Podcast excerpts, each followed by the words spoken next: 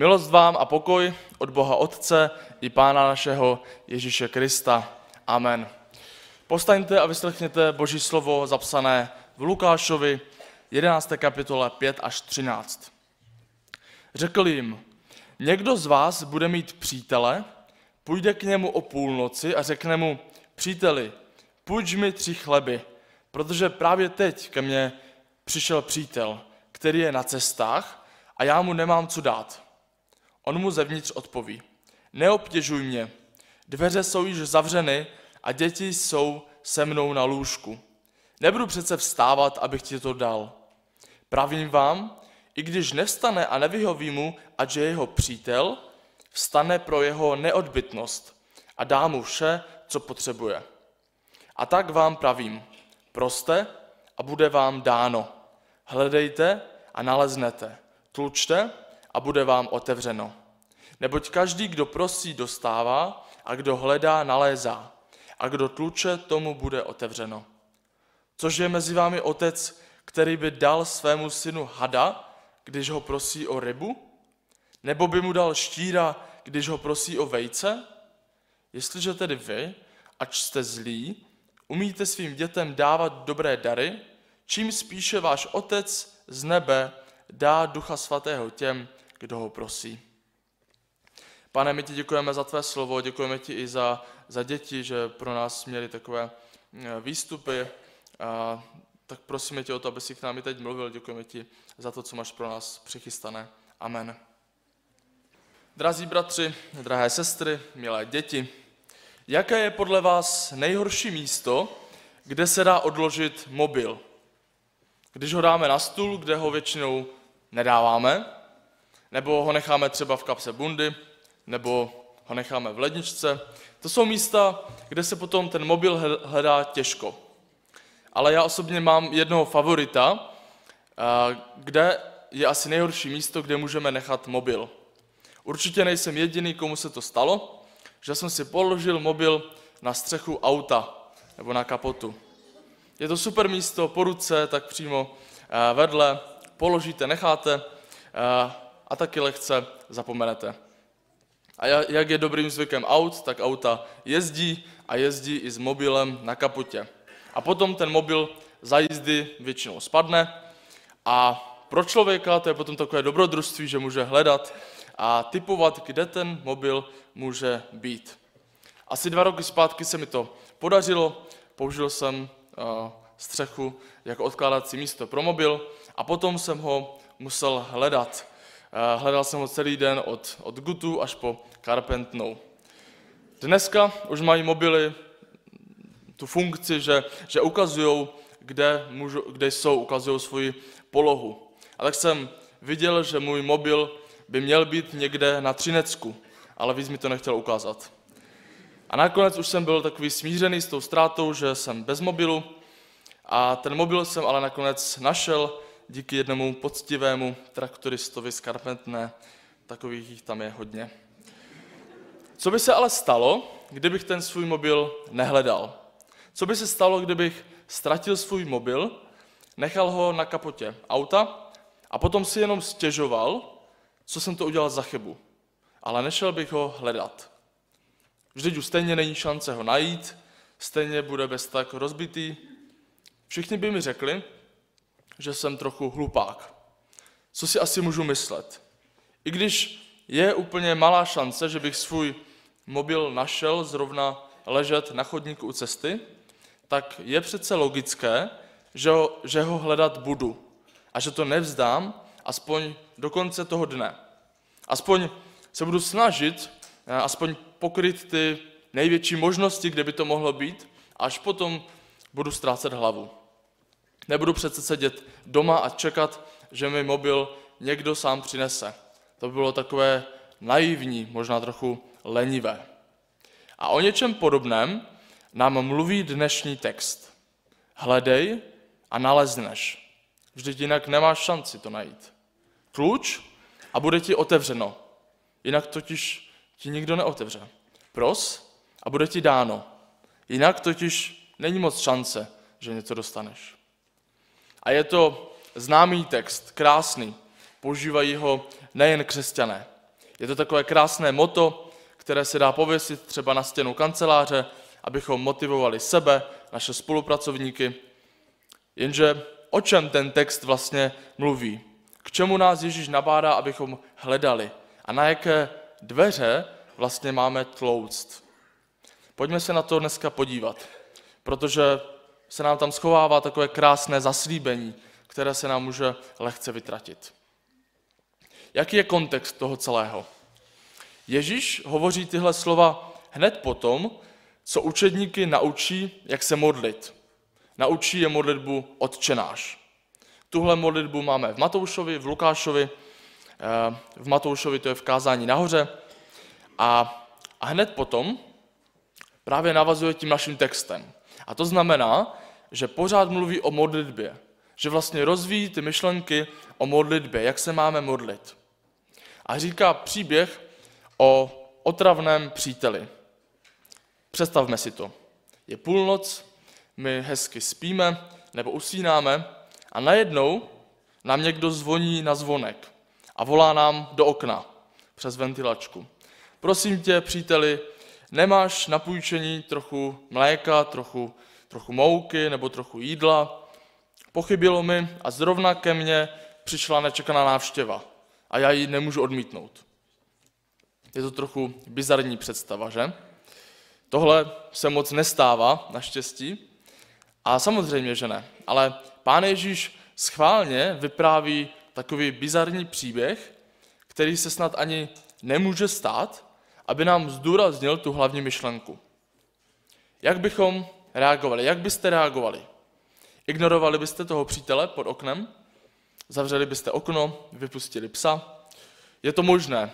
Kdo nás přece bude tahat z postele takhle v noci? Jenže jestli on tam bude stát a bude volat a prosit, tak jak to skončí? Nakonec si řekneme, dobře, je to můj přítel, potřebuje pomoc, tak fakt mu pomůžu a půjdeme. Nebo si řekneme něco jiného. No dobře, to už se nedá vydržet, on si nedá pokoj a pořád bude křičet, tak mu jdu otevřít a jdu mu pomoct. A nebo si možná řekneme, sice se mi nechce, ale pokud zjistí sousedi, že se mu nepomohl, tak zase budou nějaké plotky, tak raději jdu a pomůžu mu. Ať tak či onak, tak stejně nakonec tomu příteli našemu vyhovíme, protože byl dotíravý a proto mu otevřeme. A je to takový trochu bláznivý příběh, ale Ježíš na něm zdůrazňuje, že máme klepat, totiž, že máme být vytrvalí v modlitbách. Jestli ty, zlý a hříšný člověk, otevřeš svému příteli v noci, protože, ne, protože je neodbitný, tak co teprve tvůj dokonalý nebeský otec? Co teprve Bůh? Vždyť on o to víc bude tím, který otevře, který vyslyší naše modlitby. A tak modleme se a možná, až budeme tak neodbitní, tak Pán Bůh nás potom vyslyší. Pán Bůh je náš otec a proto nás vyslyší ještě dříve, než my vyslyšíme toho našeho přítele, protože je to náš otec. A Ježíš nás o tom ujišťuje, že nás určitě vyslyší. Proste a bude vám dáno. Hledejte a naleznete. Tlučte a bude vám otevřeno. Znamená to tedy, že jako křesťané můžeme být nepřemožitelní, protože Bůh splní všechny naše přání. Znamená to teda, že když hledáme, tak nalezneme. Znamená to, že máme otravovat Pána Boha tak dlouho, dokud nám všechno nedá a nesplní. A pokud nám ještě nesplnil přání, tak jsme se zatím modlili možná málo. Asi cítíme, že takhle to úplně nefunguje. Už se mi taky podařilo ztratit peněženku, kterou jsem hledal, ale nenašel jsem ji. To se stává. Už jsem tloukl na dveře, které mi nikdo neotevřel, protože tam nikdo nebyl. A už jsem prosil o věci, které jsem nedostal. Ale o tom ten náš text nemluví. To není takové všeobecné motivační pravidlo, že když o něco usilujeme, tak to získáme. Protože někdy usilujeme o věci, které nakonec nevídou. A to víme z vlastních životů. Pán Ježíš nám ale prozrazuje ten celý stěžejní bod toho vyprávění v posledním verši, který jsme četli. Tak poslouchejme pozorně. Jestliže tedy vy, ač jste zlí, umíte svým dětem dávat dobré dary, čím spíše váš Otec z nebe dá Ducha Svatého těm, kdo ho prosí. Ducha Svatého. O to tady jde. Bůh nám dá svého ducha, když ho prosíme. Nedá nám všechno, na co si zamaneme, ale dá nám svého ducha. A v Matoušovi, kde je ten stejný, eh, stejné, stejné vyprávění, tak Matouš to formuluje tak, čím spíše váš otec v nebesích dá dobré věci těm, kdo ho prosí. Takže Bůh nám zaslíbil, že pokud budeme prosit o jeho ducha, o dobré věci, tak nám to dá. A to nám trochu mění tu perspektivu, o čem vlastně je ten verš. Už vidíme, že to není zaslíbení, že se stačí snažit a Bůh nám všechno splní, stačí být neodbitný. To bychom totiž z Pána Boha dělali jenom takový prostředek. My tady máme nějaké cíle, nějaké naše přání a Pán Bůh nám je může splnit. Bude takovým naším prostředkem k těm našim cílům. Ale to potom, ten Pán Bůh je spíš takový džin v lahvi nebo, nebo zlatá rybka. To jsou bytosti, které existují jenom proto, aby, aby splnili přání. Vždycky, když se o nich mluví, tak jenom v kontextu toho, že plní přání. Jenže pokud je Bůh nejdokonalejší bytost ve vesmíru, tak nemůže být jenom prostředkem k našim cílům. Ale Pán Bůh sám o sobě je tím naším cílem, tím účelem. Pán Bůh nám nedá všechno, co chceme, protože my nejsme Bohem, ale On je. Což je mezi vámi otec, který by dal svému synu hada, když ho prosí o rybu? Nebo by mu dal štíra, když ho prosí o vejce? Co, co milé děti, stalo se vám to někdy, že jste prosili své rodiče o, o rybu a dostali jste hada? Když, když po nás dítě chce chléb, tak mu ho asi dáme, to je, to je přirozené. Ale co kdyby nás dítě prosilo o hada? Co kdyby nás dítě prosilo o čokoládu? Co kdyby nás dítě prosilo o to, abychom zajeli do Mekáče? Splnili bychom mu to? Už to není najednou takové samozřejmé. Někdy možná jo, ale někdy ne. Pán Ježíš neříká, když tě dítě o něco prosí, tak mu to dáš, protože dítě je rostomilé, ale on říká, že když nás dítě o něco prosí, o něco dobrého, tak mu to dáme, protože, protože ho nebo ji máme rádi a chceme pro to dítě to nejlepší. Kdyby nás ale dítě prosil o něco špatného, tak mu to nedáme, protože pro něj chceme to nejlepší. A tak tohle je takový přesnější pohled na, na Pána Boha.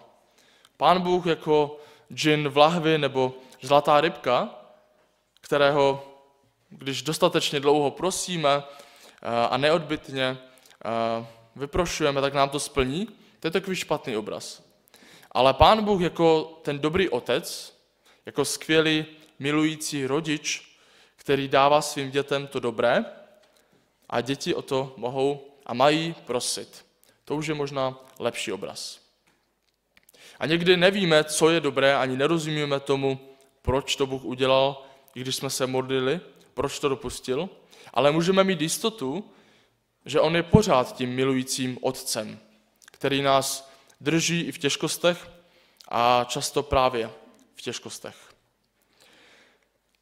Bůh, Bůh je náš Otec, to víme. Ale právě dneska, na den matek, se možná hodí připomenout, že boží láska má více rozměrů. My často máme zkušenosti s tím, že láska otcovská a mateřská se liší. Mateřská láska působí trochu něžněji, otcovská zase třeba více buduje, vede. Není to samozřejmě vždycky takhle, ale je velkým požehnáním zakoušet eh, mateřskou i otcovskou lásku. Je to boží dar, ze kterého dostáváme velké požehnání. Když mluvíme o boží lásce, o tom, že Bůh je otec, tak právě dneska je dobré si připomenout, že boží láska zahrnuje i tu mateřskou lásku.